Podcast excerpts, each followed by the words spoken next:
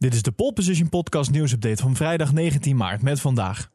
Het nieuwe seizoen van Drive to Survive is nu te zien op Netflix. Alpine heeft nog wat werk te verrichten volgens Fernando Alonso. En Honda weet het zeker, ze hebben een motor van Mercedes niveau gebouwd.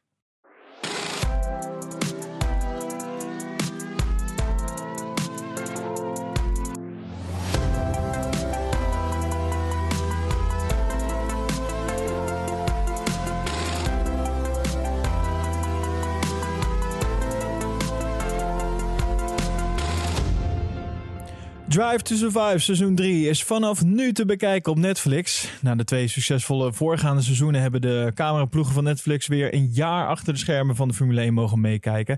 Ja, en dat levert weer mooie beelden op. Een paar weken geleden is al de trailer bekendgemaakt, maar nu is het dan zover. Het seizoen staat daadwerkelijk op Netflix en meteen ook alle afleveringen, alle tien om precies te zijn. In de eerste twee seizoenen van Drive to Survive kreeg eh, de Formule 1-fan eh, voor het eerst al een kijkje achter de schermen van de sport. En uh, op de racedag zelf draait het veel om de mensen die vooraan racen. Maar juist in Drive to Survive kregen de kleinere teams ook veel meer een podium. Dat was wel leuk. Mede doordat Ferrari en Mercedes in het eerste seizoen niet wilden meewerken aan de serie. Nou, in seizoen 2 kwam daar een verandering in. Mercedes en Ferrari deden toen wel mee. En ook in seizoen 3 zijn alle teams weer te zien. En uh, er zijn dus opnieuw 10 afleveringen gemaakt, die allemaal tussen de 30 en 45 minuten duren.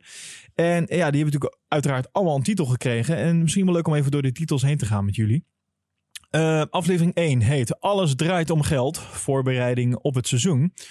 Aflevering 2 Terug op het circuit. De start van het seizoen. Aflevering 3 is dan tweede viool. Aandacht voor Valtteri Bottas. Dat is wel opmerkelijk hè? dat we specifiek Valtteri Bottas uh, in de spotlights gaan krijgen. Aflevering 4 is dan we moeten praten over Ferrari. Dramatische seizoen van Ferrari. Dat is ook wel bijzonder. Dat Ferrari toch wel op die manier met de billen bloot gaat. Aan de andere kant, ja, dat zijn ze toch al voor het oog van de hele wereld uh, gegaan. Dus wat dat betreft, nou, toch wel een, een inkijkje bij Ferrari.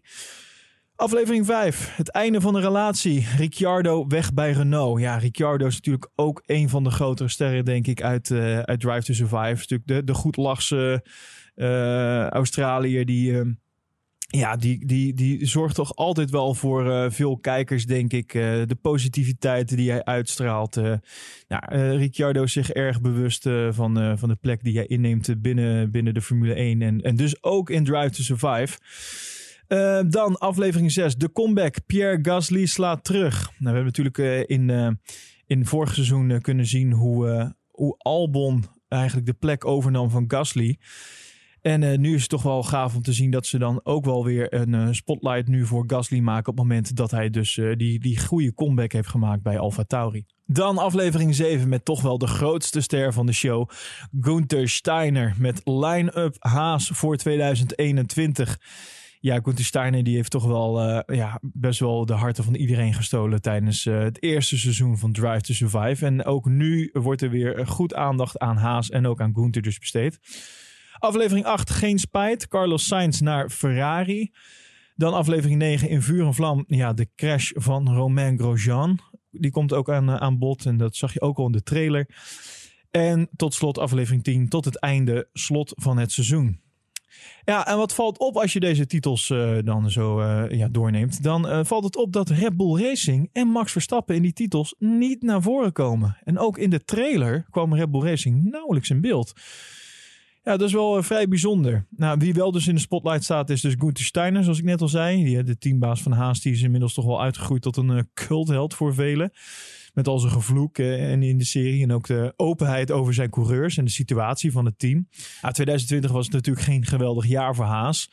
Dus ja, ook in uh, het seizoen 3 van Drive to Survive kan je weer mooie beelden en vooral mooie uitspraken verwachten van Gunther Steiner. Ja, en hij weet dan ook het seizoen eigenlijk uh, heel mooi samen te vatten in één woord. Luister even goed naar Gunther Steiner. Hi Gene, I said to you, as long as we can afford what you said to me, I'm trying to, I'm doing my best. The target for the season is to survive uh, uh, uh, as a team. Okay, gonna fix it, you know? That is what we need to do every day, G. I'm wheeling and dealing in the moment, G, to stay alive. How do you sum up your season then this year? It's, it's one short word.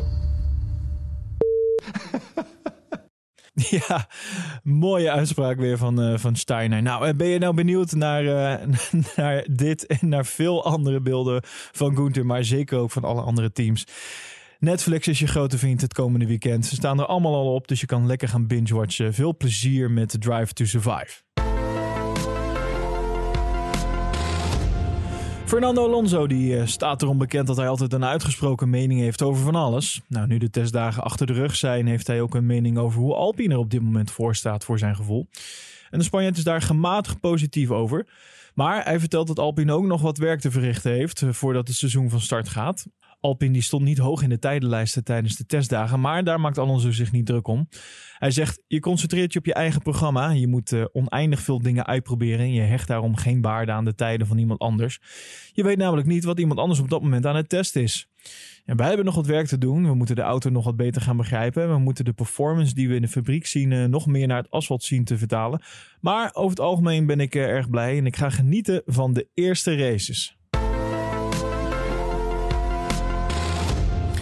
Ja, en Honda weet het zeker. Ze hebben een motor van Mercedes niveau gebouwd. Nou, het is geen geheim dat de, de Mercedes motor vorig jaar met afstand de beste motor van het Formule 1 veld was. Honda die was uh, toen tevreden over de eigen progressie, maar die gaf direct toe dat de Mercedes grotere stappen had gemaakt. Grotere dan Honda ooit had kunnen vermoeden. Daarnaast had de, de Red Bull veel last van het feit dat de data uit de windtunnel niet goed overeenkwam met de resultaten op de baan. Wat veel invloed had op de prestaties van de auto. Nou, Honda heeft echter niet stilgezeten met het doorontwikkelen van de motor. Ja, en toen ook nog een keer duidelijk werd dat ze dus in 2022 de sport gaan verlaten, heeft het uh, team een extra boost gegeven aan de ontwikkeling op motorgebied. Ja, om nog één keer alles te geven. Dat heeft volgens technisch directeur Toyoharu Tanabe tot grote stappen geleid. Hij zegt: Ik geloof dat we de Mercedes motor van vorig jaar hebben overtroffen. Al hangt dat ook een beetje van de omstandigheden af. We hebben geen idee in welke mate Mercedes zich uh, gedurende de winter heeft uh, weten te verbeteren. Maar dat zullen we zien tijdens de eerste kwalificatie en na de race. Nou, Mercedes zelf die spreekt al van een aantal innovaties die zij hebben doorgevoerd, onder andere op het gebied van de motor. Nou, wat die innovaties zijn, dat is uh, niet uh, bekendgemaakt door Mercedes. En ook Tanabe heeft eigenlijk geen idee. Hij zegt, het is heel moeilijk om in te schatten waar ze mee bezig zijn en wat, wat ze dat op gaat leveren. We hebben daar nog geen antwoord op. Al dus Tanabe.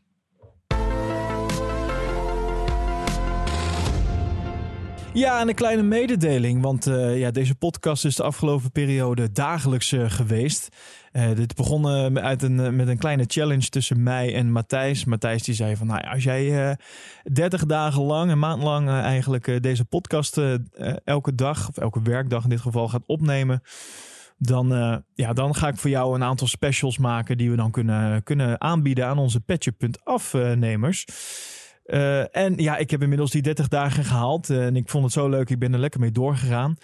Maar om toch weer wat stappen te maken, heb ik uh, besloten om de updates toch terug te brengen naar twee keer per week. Dus vanaf volgende week zal het elke dinsdag en elke vrijdag zijn dat ik met een nieuwsupdate ga komen. En daarmee hoop ik toch ook een beetje de kwaliteit nog wat hoger te maken. En ja, er is er weer meer ruimte ook voor andere dingen. Dus de nieuwsupdates die gaan gewoon door. Alleen uh, iets minder. En twee keer per week dus. En uh, ja, vind je die nieuwtjes en feitjes nou hartstikke leuk? Kijk dan ook even op ons Instagram account. En ga het even volgen. En uh, vergeet je ook niet te abonneren op deze podcast via jouw favoriete podcast app. Om op de hoogte te blijven van het laatste nieuws over de Formule 1. En vind je deze podcast nou leuk en wil je ons financieel steunen? Kijk dan even op petje.af slash poleposition. En met jouw donatie word je dan automatisch lid van de Pole Position podcast Pit Crew. En heb je recht op enkele leuke bonussen. Zoals dus die specials uh, die Matthijs heeft beloofd en waar die dus nu uh, keihard mee aan de slag is gegaan. En verder wil ik jullie een heel fijn weekend wensen en tot volgende week.